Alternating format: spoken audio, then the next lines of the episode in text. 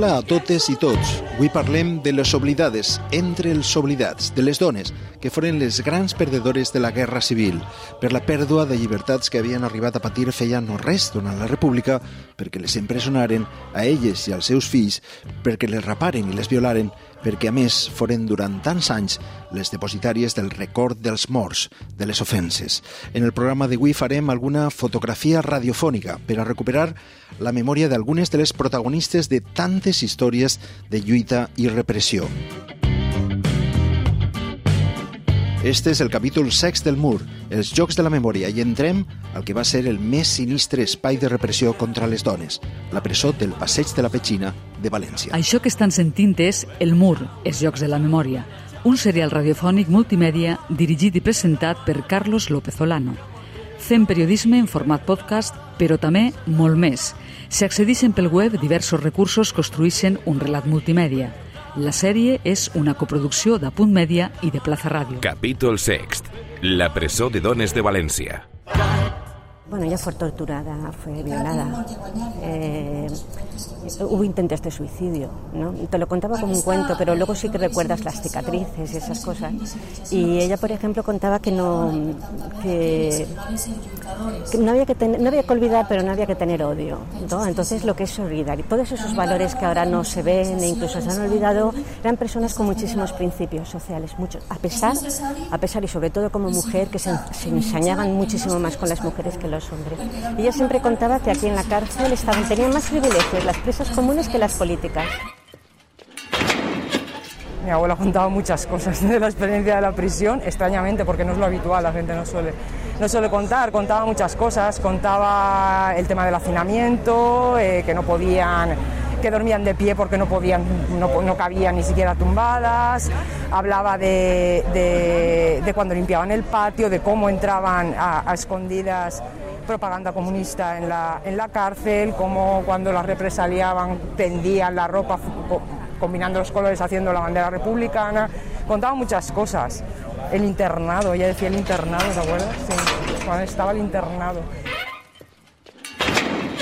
Dormíem naturalment a terra, totes, desplegàvem les colxonetes i allà a dormir, i per la nit entraven els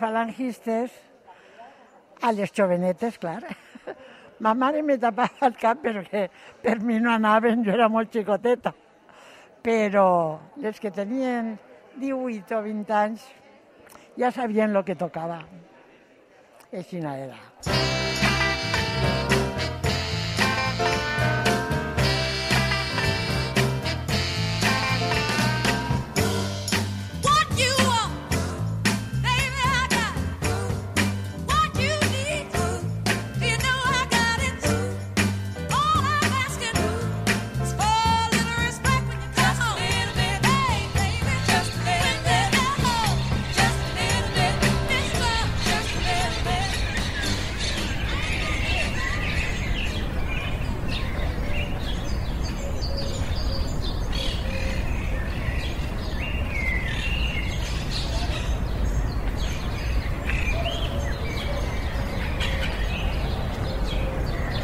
Ens trobem al costat del jardí del vell llit del Túria de València, molt prop de les pistes d'atletisme, enclavat en una zona ara quasi cèntrica, però que fa anys era la perifèria del Cap i Casal, just al costat de la sèquia de Rovella.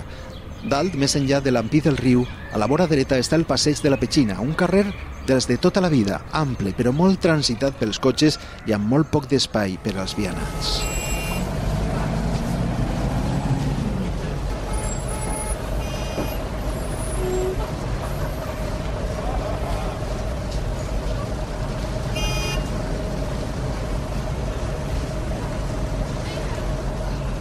Allí s'alça un vell edifici de pedra, molt prop de la presó model per als homes, amb planta creuada i amb un estil arquitectònic que el recorda molt. De color marró, finestres de fusta i teulada a dos aigües. Damunt de la porta principal, amb arc de mig punt, trobem un escut amb les quatre barres tallat en pedra. Auster però elegant, majestuós però amb un punt sinistre. Ara, restaurat fa poc de temps, alberga un col·legi públic el 9 d'octubre i en el seu pati juguen els xiquets.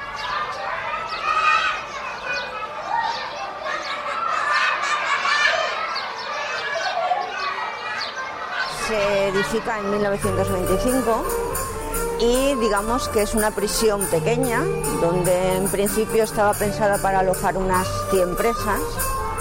Eh, y lo que, lo que va a ocurrir es que vamos con, el, con la guerra civil, con el final de la guerra civil y demás. Valencia además, como uno de los últimos sitios en ser conquistada por las tropas de Franco, pues la prisión lo que se va a convertir es en un centro de represión eh, femenino. ¿eh? Y en ese sentido además eh, va mm, a estar totalmente masificada. Mujeres de, todas con- de toda condición, de todas las edades, algunas con criaturas, eran aquí ingresadas eh, en unas condiciones de vida totalmente espantosas. Parla la historiadora Vicenta Verdugo. La repressió fou brutal i immediata. 2.700 dones passaren des de 1939 fins a 1950 per les presons a la comunitat valenciana. Només a la provincial de València, en els primers 8 mesos després de la guerra, n'ingressaren 1.486. Las presas generalmente eh, era una, además, era una de las cosas que contaba, eh, ¿cómo se llamaba la mujer esta? La farmacéutica de Gandía, Ángeles Malonda, que estuvo aquí, eh, farmacéutica de Gandía, que estuvo aquí ingresada. La mayoría del tiempo lo pasaban en la cárcel, eh, perdón, en el patio. Hiciera frío, hiciera calor, lloviera, estuvieran enfermas, estaban siempre en el patio. Eh, con lo cual, Ángela en las memorias cuenta que era una sensación de aburrimiento y de hastío. ¿Por qué? Pues porque además por muy pocas cosas podían redimir pena. Con lo cual, eh, el tiempo lo pasaban, bueno, pues haciendo punto, mm, para ver si luego podían vender algo de lo que hacían, eh, cuidando de las criaturas, limpiando los patios de la cárcel, limpiando las letrinas, pero digamos que no existía eh, ningún tipo de organización del tiempo. Y como ella decía, pues el aburrimiento y buscar cómo matar este tiempo, este tiempo que nos entristece, nos agobia y poco a poco nos va matando. Ara la porta principal del col·legi està just per l'altra banda de la Petxina, per un carrer que porta el nom O de Democràcia. Allí quedem a les germanes García Moscardó, netes de Consuelo Marco Gregori de Bellreguard.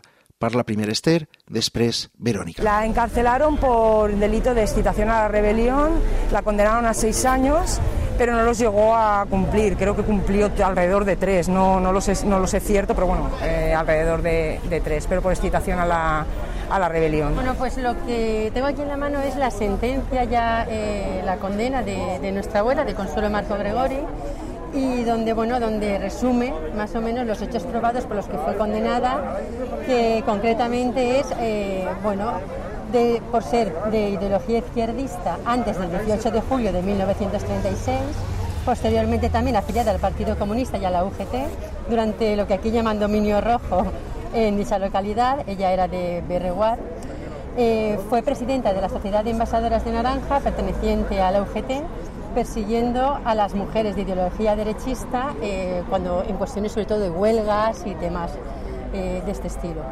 También estuvo encargada de la guardería de niños refugiados y en todo momento se manifestó como propagandista activa y eficaz a favor de la causa roja, exaltando esta en conversaciones y actos públicos y dirigiendo constantes insultos al ejército nacional y a sus generales. La cebolla es escarcha, cerrada y pobre. Escarcha de tus días y de mis noches. Hambre y cebolla. Hielo negro y escarcha,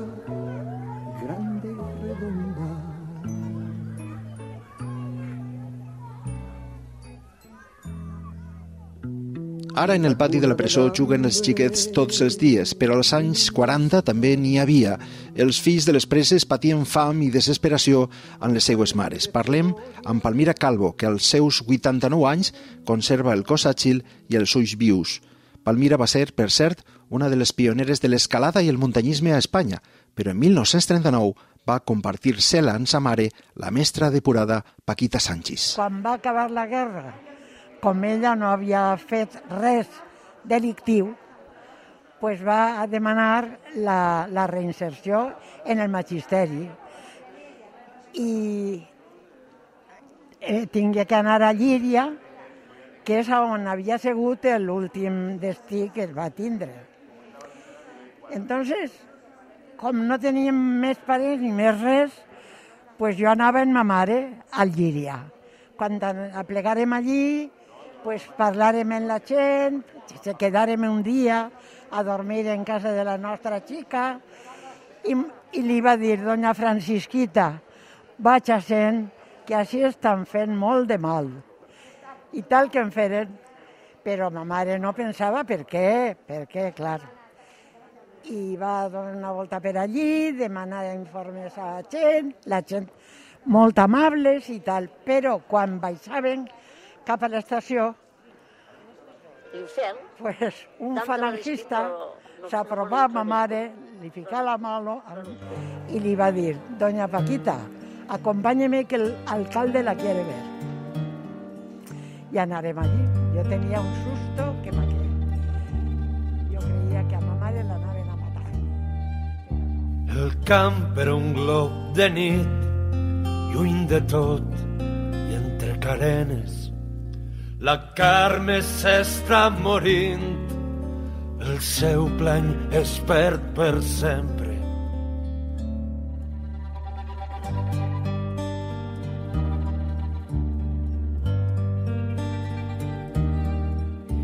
El camp era un glob de nit, al nord fum vers el sud cendres. Així cels i les arbredes. Tan sols fa unes setmanes l'Ajuntament de València va posar una placa al mur del Col·legi 9 d'octubre per a reconèixer les lluitadores que penaren la condemna en l'antiga presó provincial de la Petxina. En parla Lucila Aragó, que també estigué presa, però l'any 1975, i Esther García. Hemos estado trabajando alrededor de dos años en torno a esta iniciativa. La verdad es que desde el primer momento, por parte de las autoridades, no hemos encontrado ninguna negativa. Eh, al revés, encontramos como una sorpresa. ¿Cómo es posible que no haya todavía ningún reconocimiento? Que, que nos muestra esa realidad de que la represión de las mujeres ha estado muy olvidada. ¿no? En la ciudad de Valencia hay otras prisiones, como la cárcel Modelo y la de San Miguel de los Reyes, que sí que tienen reconocimiento a los hombres represaliados por sus ideas políticas. En el caso de este colegio de hoy, en el caso, alemán. en el caso de este, de este colegio de hoy, pues, pues encontramos con que no hay nada. Hasta hoy no había ningún recuerdo. Con lo cual nos parece que es un paso importante, necesario, mínimo. Si la ciudad le debía esto desde hace 40 años al menos a todas las mujeres que han pasado por aquí, como tu tía, como yo y como tantas otras antifranquistas y mujeres que sencillamente sufrieron la- las, leyes retrógradas del franquismo. Al final es un acto de justicia y de reparación que, bueno, eh, la queda un verdad se queda corto y es tardío porque aquí tuvimos una transición amnésica, eso lo sabe todo el mundo, que, bueno, que bajo bajo esta bajo esta cuestión de bueno de, de- de pasar página y la reconciliación lo que venía era a, a avalar y a, y a- y a hacer interlocutores válidos a los, a los antiguos verdugos y a, vamos, eh, a, tender un manto de olvido eh, sobre la memoria de unas víctimas que, bueno, eh, que de los, o sea, que, que estuvieron, o sea, su memoria estuvo reprimida durante los 40 años del franquismo, pero es que después se ha hecho bastante poco para, para, para recuperarla, se ha hecho bastante poco. El silenci autoimposat ha sigut l'herència que van deixar moltes voltes tants anys de patiment. És el cas de la dona que parla a continuació. Vol contar la història de la seva iaia, però no vol donar el seu nom. Vol protegir sa mare, ja molt major, i que ha lluitat durant anys per a tot. Lo que yo sé es como un cuento. Mi abuela desde el principio nos contaba que ella había estado en un hotel muy especial y que durante una serie de años ella estaba allí, tuvo que abandonar a su marido y a su hija y que se llevó a su hijo pequeñito a ese hotel. Claro, te lo contaba siempre sin odio, sin ningún tipo de rencor, pero ella nos enseñaba a todos los hermanos canciones que no podíamos cantar.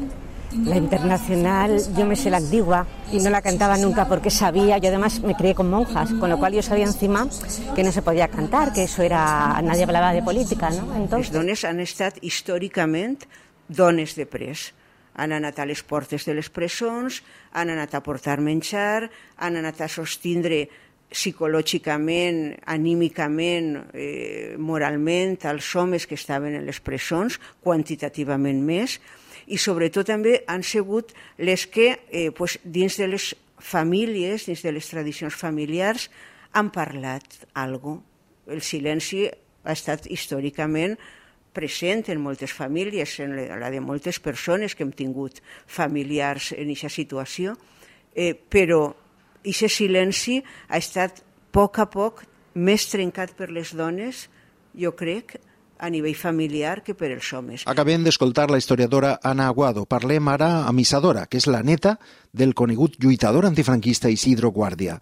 D'ell parlarà en un altre capítol, però en este recorda la seva iaia. La relació es va fer sòlida perquè ella va decidir que l'acompanyaria i que aniria a veure'l sempre a presó des del primer moment, perquè no, van ar- no, no havien tingut ni, ni relacions íntimes ni coses d'aquest tipus, no? És a dir, que és una relació que es va fer perquè ella va decidir que no abandonava el meu avi encara que era un, un xic conegut del barri, vull dir que tampoc no, tenien, no podien tenir cap cosa sèria, no?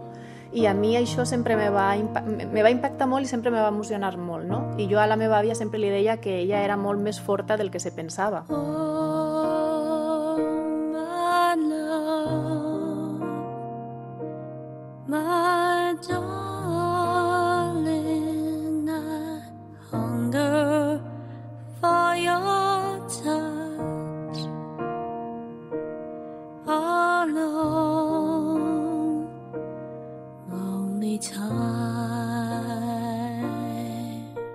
Farem ara una descripció sonora d'una vella fotografia en blanc i negre.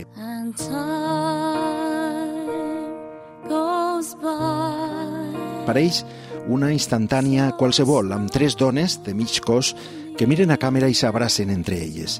No porten xolles, però la roba d'abric pareix com de diumenge, tot i ser prou fosca. Són amigues, sens dubte, i mostren mig somriure a càmera.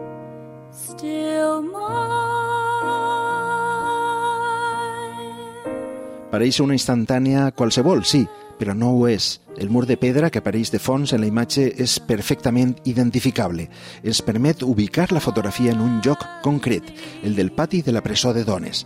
Les tres són recluses, condenades a mort per un tribunal militar, simplement per haver sigut fidels a la república. Somriuen, sí, i sabent també per què ho fan. Eixe fred matí de 1941 acabaven de saber que els havien commutat la pena de mort per 30 anys de condemna. Les tres amigues es deien Consuelo Barber, Julia Martín y Angelita Sempere. Esta foto,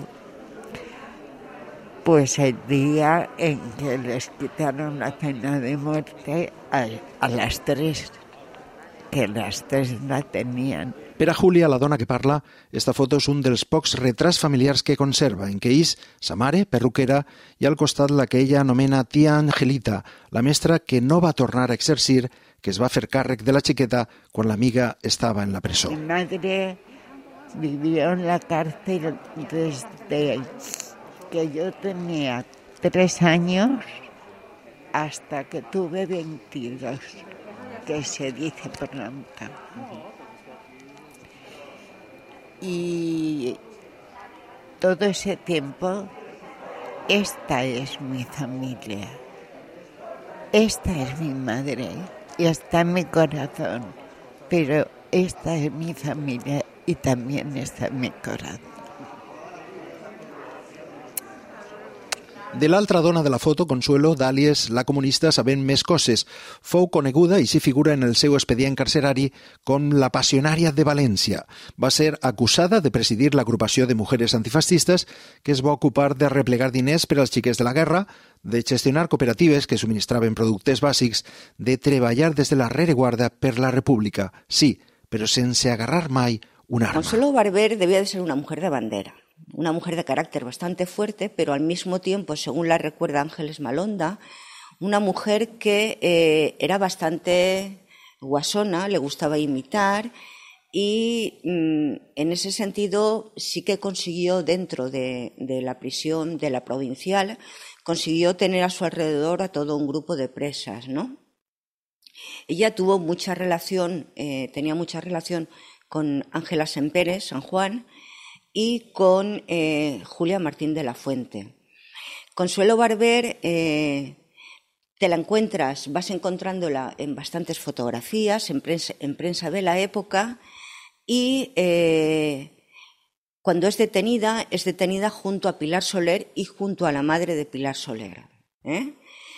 Y mientras que a Pilar Soler y a la madre de Pilar Soler las condenan a 15 años, a Consuelo Barber la condenan a 30 años. A Consuelo la deixaren eixir de la provincial tan sols per a morir a sa casa molt poc després. La, la repressió franquista contra les dones és una repressió que en els darrers anys ha estat ja prou estudiada, però fa poc de temps pràcticament no es parlava d'ella, semblava que no n'hi havia dones represaliades i que no n'hi havia dones sobretot que resistiren també al franquisme.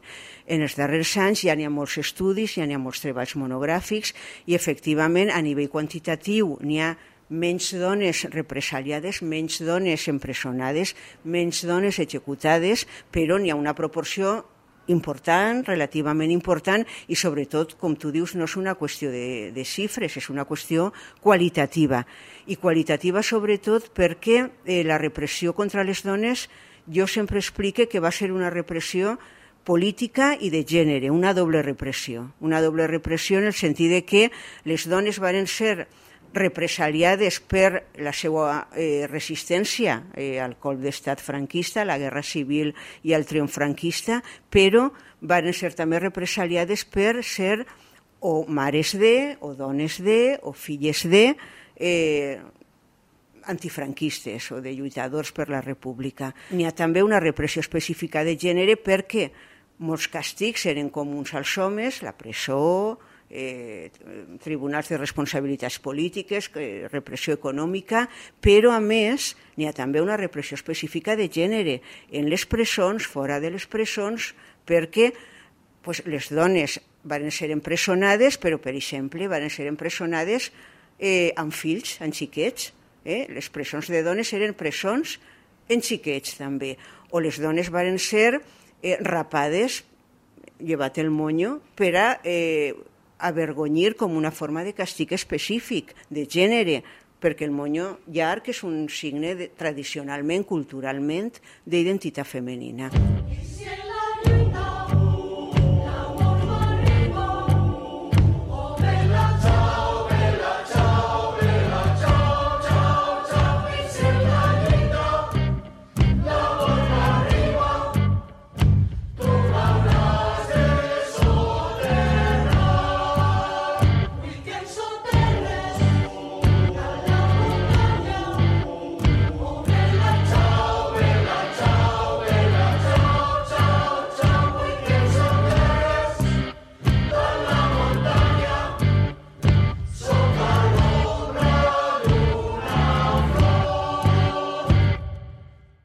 Acaben d'escoltar el capítol 6 del Mur, Els Jocs de la Memòria, el dedicat a la presó de dones de València. És un podcast multimèdia dirigit i presentat per Carlos López Olano amb accés per les zones de ràdio i també amb una versió enriquida amb diversos recursos per web i xarxes. En els reportatges han treballat Eduard Torres en la redacció, en l'edició, la realització sonora i la locució, Miguel Coll, en el disseny visual, Sergio Formoso, i en la locució, Lola Banyón. En breu, el capítol 7 que es diu La repressió a Castelló, fosses i bombardejos. Este programa es una coproducció entre Apunt Media i Plaza Radio. Rosa, camarada. Oh.